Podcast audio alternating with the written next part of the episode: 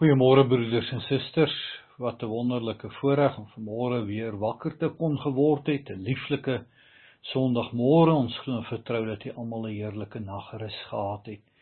Ons bid ook vir u dat dit 'n mooi en 'n geseënde dag sal wees en waar ons in hierdie grendeltydperk nou meer tyd het en baie meer rustig is, baie van ons dat ons tog nie ook sal vergeet om hierdie dag stil te word en dit besonderlik te gedenk dat die Here Jesus uit die dood uit opgestaan het en dat dit ons tot diepe dankbaarheid sal vul en dat ons kan weet as God self sy seun nie gespaar het nie, dan sal hy ook in al ons ander behoeftes voorsien.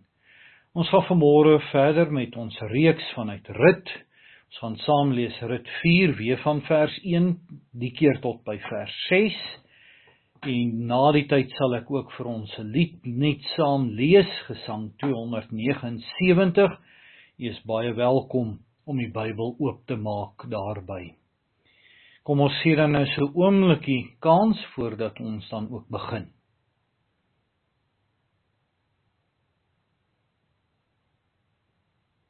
Kom ons sluit die oë. Onse Vader wat in die hemel is, aan U kom toe al die eer, die lof, die aanbidding, die heerlikheid, die majesteit, die koninkryk, die krag, want U sorg vir ons, U kinders. U het ons U kinders kom maak. U seun is ons verlosser.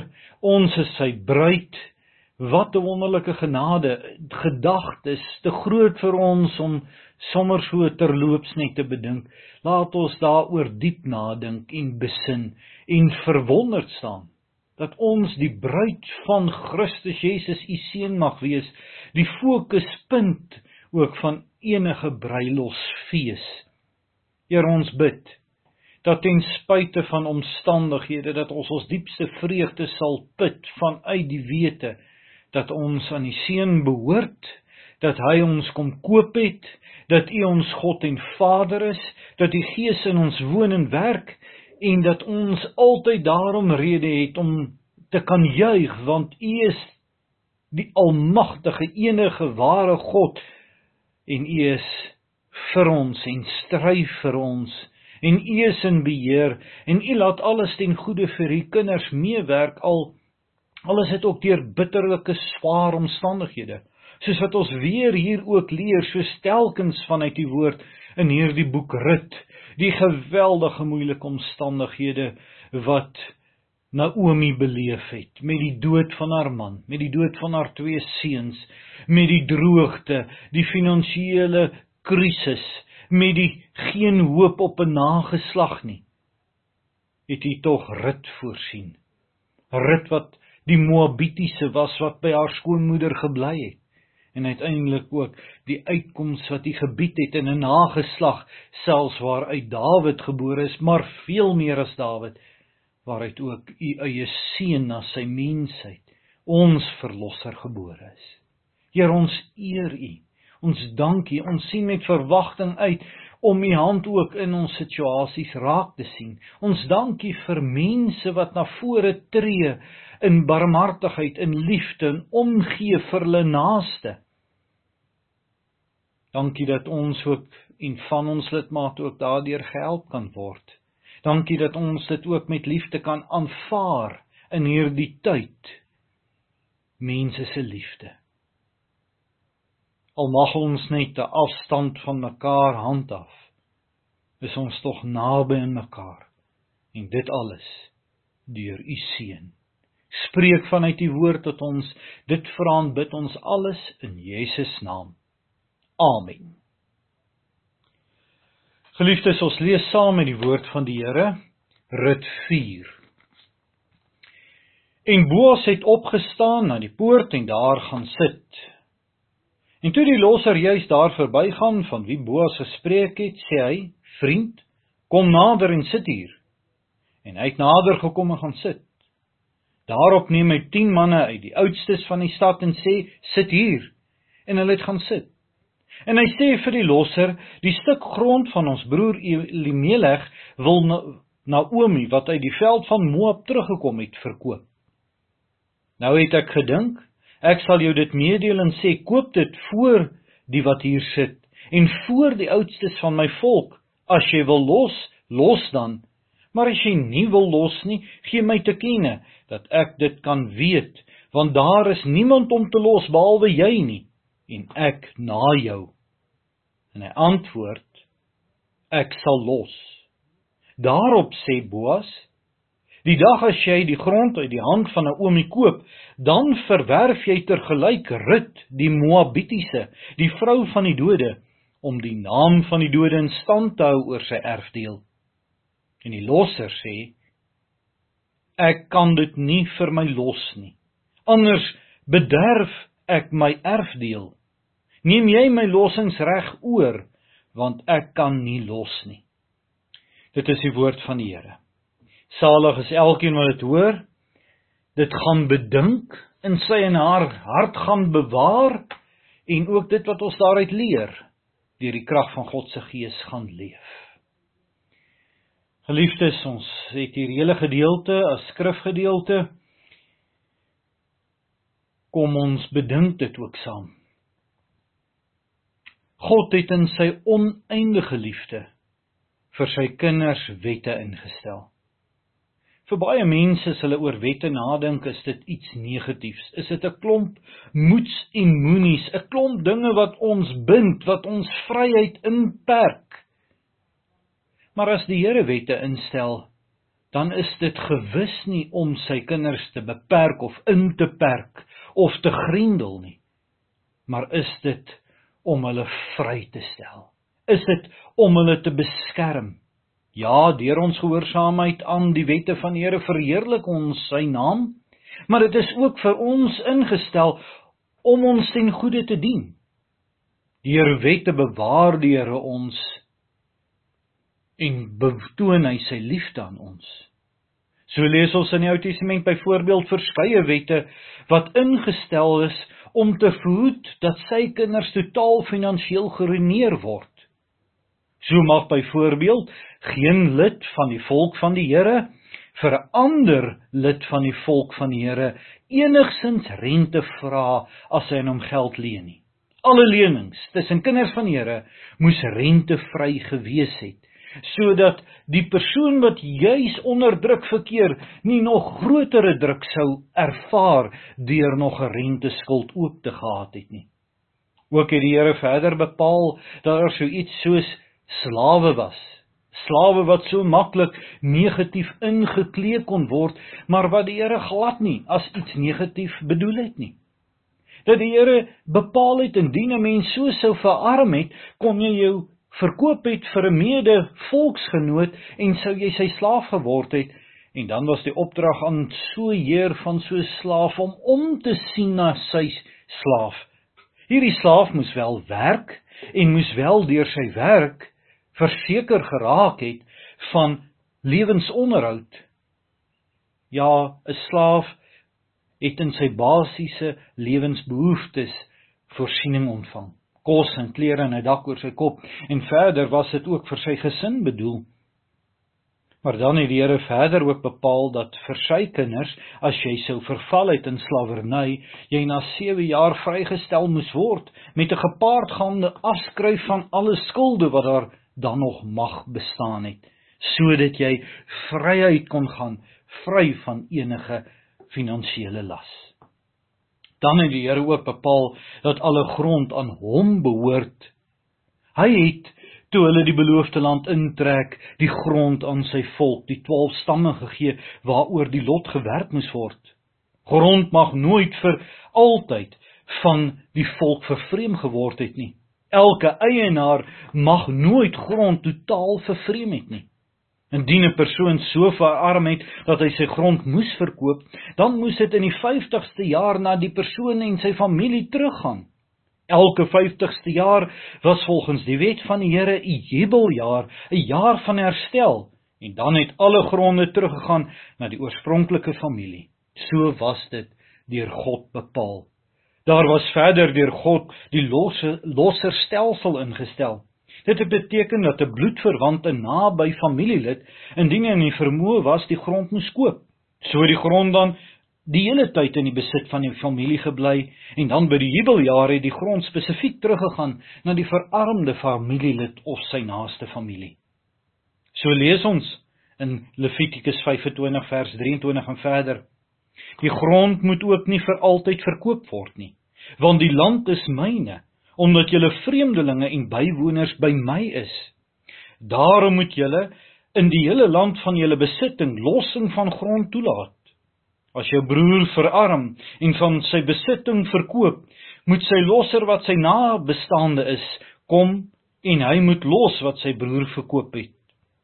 Maar in die jubeljaar moet dit vry word en hy moet na sy besitting teruggaan. Wat 'n wonderlike genade, wette deur die Here ingestel sodat iemand nie vir altyd en sy familie deur finansiële las gebuk sou gaan nie. In ons gelees gedeelte sien ons dat Boas by die startspoort gaan sit het Die oop ruimte net binne die poort wat die middelpunt van die sosiale lewe van elke dorp was. Hier was dit waar almal bymekaar gekom het. Dit was hier waar vergaderings gehou is. Die oudstes van die dorp bymekaar gekom het om oor regsaake te beslis. Hier is mense skuldig of onskuldig bevind. Teregstellings het selfs hier in die openbaar plaasgevind. Dit was die plek waar handel gedryf is en waar mense bymekaar gekom het om net sosiaal te verkeer. Dit is hier waar Boas gaan sit om die saak tussen hom en die naderlosser voor die getuienis van die 10 oudstes en alle toeskouers wat daar mag wees te hanteer. Hier stel Boas die hele saak van die grond van Elimelech wat Naomi wil verkoop vanweë hulle benarde situasie. En ons lees aan die einde van vers 4 nadat Boas hier die hele situasie verduidelik het dat hierdie naderlosser kort en kragtig verklaar het dat hy die grond sal los. Maar ons weet dat dit nog nie die einde van die saak was nie. Boas sê in vers 5 van hom: "Die dag as jy die grond uit die hand van 'n oomie koop, dan verwerf jy te gelyk Rut, die Moabitiese, die vrou van die dode." Om die naam van die dode in stand te hou oor sy erfdeel. Hierdie raak Boas nog 'n wet van Iran wat hy ingestel het om sy kinders te beskerm en vir hulle goed te wees, naamlik die leveraatshuwelik. Wat letterlik swaarshuwelik beteken. Ons lees van hierdie wet in Deuteronomium 25. So huwelik het in die volgende omstandighede plaasgevind. Wanneer 'n man tot sterwe gekom het sonder tot hy 'n seun gehad het, moes een van sy oorlewende broers die weduwee tot vrou neem. Die weduwee het dus haar swaar getrou. Die eerste seun van hierdie nuwe huwelik is as die seun van die oorlede broer bestempel. Die vernaamste doel van die leveraatshuwelik was om sorg te dra dat die naam van die afgestorwene nie sou uitsterwe nie. Die leveraatshuwelik het dus die voorsetting van die manlike nakomelingskap ten doel. Hierdie huwelik sorg dat die oorledene 'n erfgenaam het en dat sy eiendom binne in die familie bly en nie vervreemd raak nie. Hierdie gebruik dra natuurlik ook daartoe by dat die weduwee op versorging en beskerming aanspraak kon maak. Die leveraatshuwelik was net soos die lossingsreg gebaseer op 'n hegte eenheids- en verantwoordelikheidsgevoel wat die Here bepaal het wat daar tussen bloedverwante moes bestaan. Uit die inhoud van die boek Rit blyk dit duidelik dat ons hier nie ten, te doen het met 'n leveraatshuwelik in die ware sin van die woord nie. Miskien was daar in die tyd toe hierdie boek geskryf is ander wette verskoning ingestel wat weier gestrek het as dat net 'n swaar met 'n familielid moes trou om die nageslag in stand te hou. Of miskien was die persone van daardie tyd net nog meer menslik en het hulle nie hare gekloof oor die letter van die wet nie. Dalk het hulle menslikers wyshalwe moreel verplig gevoel om die gees van die wet te handhaaf. Dalk was dit net 'n voorwaarde van Naomi met die verkoop van die grond dat daar met Rut getrou moes word. Maar die kern van die saak bly dat 'n nageslag vir Elimelech verwek moes word anders sou sy naam uitsterwe. Ons lees dan in vers 6 en die losser sê: Ek kan dit nie vir my los nie. Anders ter bederf ek my erfdeel. Neem jy my lossingsreg oor want ek kan nie los nie. Toe hierdie voorwaarde bykom dat met Rut getrou moet word ook, toe swaai hierdie naaste losser baie gou om. Nou sien hy nie meer kans nie. Sy medemenslikheid strek nie so ver nie. By alles is Rut ook nog 'n Moabiet en geen Moabiet mag tot in die 10de geslag in die vergadering van die Here kom nie. As rede vir sy weiering om die lossingsreg te beoefen om en om met Rut te trou, voer die losser aan dat dit sy eie erfdeel in gevaar sou bring. Deur die grond te koop en ook met Rut te trou, sou beteken dat die grond nie aan sy eie gesin sou behoort nie, maar aan Rut, dis eintlik aan Elimelech se nageslag. Hy was nie tevrede met die feit dat tot by die volgende jubeljaar al die inkomste van elke oes tot en met daardie jaar aan hom sou behoort nie. Dit sou eers daarna wees dat die grond terug sou gegaan het na die nageslag van Elimelech wat in elk geval sy eie seun saam by Rut sou gewees het. Sy eie materiële voorspoed het vir hom swaarder geweg. Verder sou hy ook die weduwee met wie hy trou en moontlik ook nog vir Naomi haar skoonma moes versorg. Hy sien kans om die grond te koop. Maar vir die nuwe voorwaarde van 'n huwelik en die gepaardgaande verantwoordelikhede sien hy eenvoudig nie kans nie. Geliefdes, sien nou daar was nie 'n Boas wat bereid was om al hierdie opofferings te maak nie. Wat sou dan van hierdie twee weduwees geword het? Hier is 'n naby familielid, maar hy's nie bereid om te help nie. Die vraag is, hoe sou ons opgetree het? Is ons werklik bereid om familie in krisis daadwerklik te help so ver as wat dit in ons vermoë is? Is ons bereid om self op te offer en selfs ook materieel verlies te ry ter wille van ander se nood? Het ons waarlik lief? Het ons liefde vir ons naaste? Dit laat 'n mens dink aan 'n verhaal wat Jesus in Lukas 10 vertel het toe 'n wetsgeleerde vir die Here Jesus die vraag gevra het en wie is my naaste? Hoe die priester by die man wat onder die rowers hand geval het verbygestap het, 'n ander pad geneem het en so ook die leviet. So het hierdie losser verbygestap. Stappie en ek ook dikwels verby. Kyk ons ook maar eerder ander pad. So was die Samaritaan nie. Aan die einde van die verhaal vra Jesus die wetsgeleerde: "Wie dan van hierdie 3 dink jy was die naaste van hom wat onder die rowers verval het?" Die vraag is nie: "Wie is my naaste nie?" Maar vir wie kan ek 'n naaste wees? Hierdie losser het die geleentheid laat verbygaan om vir Rut en Naomi 'n naaste te wees. Ag geliefdes, Dit laat 'n mens ook aan 'n ander Bybelse werklikheid, Bybelse geskiedenis nadink. Daar was die nood nog veel groter as hier by Rut en Naomi. Daar was dit nie 'n Moabitiese wat tot in die 10de geslag uitgesluit sou word nie, nee, daar sou al die geslagte vir die hele menslike bestaan uitgesluit gebly het. By hierdie verhaal was die prentjie totaal duisternis. Daar was geen hoop vir die noodlydenis nie en ook geen hoop vir 'n nageslag nie. Net verskrikking, teëspoed, ellende tot in alle ewigheid. Maar daar was ook sprake van 'n losser en ook 'n moontlike huwelik. Die vraag is: sou die losser bereid wees om as losser op te tree? Sou en sy liefde ook kom los ter wille van die wat in die nood was en ook nog 'n huwelik kom sluit het met die noodlydende? In hierdie geval was dit egter nie 'n saak van om met God om met geld los te koop nie. Dit was nie 'n saak van dat die losser 'n nabestaande eers was nie. Nee, immers was hy die gehate een gewees. Hy was soos in die verhaal hierbo die Samaritaan. Hy was nie geag nie. En tog lees ons in die Bybel. Hy was bereid in sy oneindige liefde was hy bereid. Ja, hy was bereid om los te koop. En om los te koop, moes hy met sy lewe betaal het. Moes hy in die plek van die noodlydendes sterwe sodat hulle kon lewe.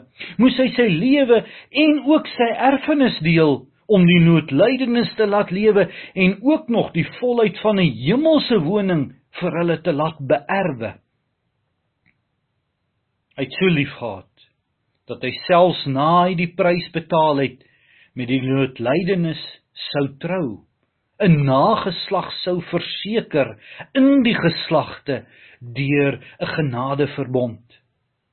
Ja hy is die bruidegom wat die hoop verlorenes sou kom uitred uit uit hulle situasie en hulle so spesiaal sou kom maak het dat hy hulle as bruid sou kom neem het. Hy sou en sal as bruidegom die weduwee trou en ten volle beskerm en versorg deur sy liefde koester en 'n nageslag verseker. Geliefdes, wat 'n genade is dit. Hoe sal ons ooit ons verlosser en bruidegom genoeg kan eer ons Here Jesus Christus? Laat ons elke dag uit dankbaarheid tot sy eer lewe. Ons is sy bruid. Mag ons 'n getroue bruid geag word. Mag ons vanuit sy liefde dan ook gaan leef en liefde gaan betoon aan die in nood. In hierdie tye en nog die tyd wat voorlê wat ons sal in sal ingaan sal dit nog al hoe meer van ons geëis word om soos die skape op te tree om goed te gaan doen. Geliefdes, ons kan goed doen. Want ons het een wat so goed vir ons gedoen het dat ons in hom alles beerwe, alle geestelike seënings in Christus Jesus ontvang. Mag ons as bruid getroos wees. Mag ons met 'n diepe dankbaarheid leef. Ons was verlore, hopeloos, moedeloos, noodlydenis. Maar deur die optrede van ons verlosser en bruidegom is ons gered, is ons gekoester, is ons versorg. Lei ons aan niks gebrek nie. Mag ons dit ook in 'n wêreld gaan verkondig en die Here daardeur gaan eer. Amen. Kom ons bid nou saam. Onse Vader wat in die hemel is. Here ons dankie dat ons u woord het. Ons dankie vir hierdie ware verhaal wat ons kan lees van Rut, van Naomi, van Boas. Ja ook waar hy 'n nader losser was maar versuim het om verantwoordelikheid na te kom omdat dit sy erfdeel, sy materiële, sy sy aardse voorspoed sou beïnvloed het, was hy nie meer bereid om te los nie. Maar Boas het anders opgetree. Nog baie meer as Boas het u seun totaal anderster kom optree. Het hy die prys kom betaal, ons kom los, is hy ons verlosser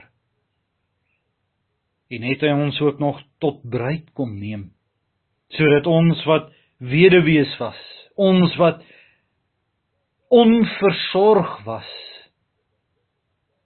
nou versorg en beskerm kan wees laat ons dit bedink en daaruit met vreugde en dankbaarheid getrou gaan leef. Laat ons weet u wette is nie gegee om ons te bind nie maar is juis om ons vry te maak en te beskerm. Gee dat ons volgens die wet sal leef van u bo alles lief te hê maar ook ons naaste soos onsself daadwerklik liefde sal hê aan u kom die eer en die lof en die aanbidding toe maak ons stil en laat ons hierdie dinge bedink en diep verwonderd staan as bruid dit vra en bid ons alles in die naam van ons Here Jesus Christus. Amen. Geliefdes, ek gaan nog vir u ook voorlees Gesang 279 vers 1 en ook 5 en vers 1 2 5 en 6. Gesang 279. Jesus neem die sondaars aan Bring aan almal hierdie tyding wat nog op die dwaalweg gaan van die sonde en verleiding. Diep is hy oor hul begaan. Jesus neem die sondaars aan. Niks het ons by u verdien, maar die evangelie tyding laat ons God se ontferming sien. In sy seun se bittere lyding. Ons kan nou na Jesus gaan want hy neem die sondaars aan. Ja, dit gee my nuwe moed. In berou oor al my sonde, daar is redding deur sy bloed en genesing deur sy wonde. Daarop kan ek altyd staan. Jesus neem die sondaars aan. Hy, my heiland, spreek my vry as die Satan my beskuldig. Hy wat regter is oor my, het my straf gedra onskuldig. Ek sal nie verlore gaan. Jesus neem die sondaars aan. Mag die genade van die Here Jesus Christus met ons wees. Geliefdes dan ook vandag verjaar Menet. Menet Wolmerans, laas Sondag sou jy onthou het Boela man verjaar, vandag verjaar Menet en ons bid vir jou ook vandag Menet, die seun van die Here toe. Mag die Here vir julle onderneem mag jy sy nabyheid beleef ook in hierdie tyd van jou swangerskap en en die tyd wat ook nou naby raak vir die geboorte van julle dogtertjie. Ons glo en vertrou dat die Here vir jou en vir haar in sy hand sal hou en dat alles ook met die geboorte goed en vlot sal verloop en dat sy vir julle baie vreugde in julle lewens sal bring. Mag jy saam met Boela altyd die Here dien met blydskap in die wete dat hy ons beskerm en bewaar soos wat hy elkeen van ons sy kinders bewaar. Baie geluk. Mag dit 'n mooi dag wees. Ook aan die gemeente bid ons die seën van die Here toe. Almal moet onthou die verbondsonderrig. Dit is vandag wel lang naweek, volgende Sondag lang naweek en volgens al ons almanak is daar dan nie verbondsonderrig nie, maar hou asseblief die lesse by saam met die kinders. Ons bid vir u 'n geseënde opstandingsdag wat ons vier van ons Here Jesus Christus toe.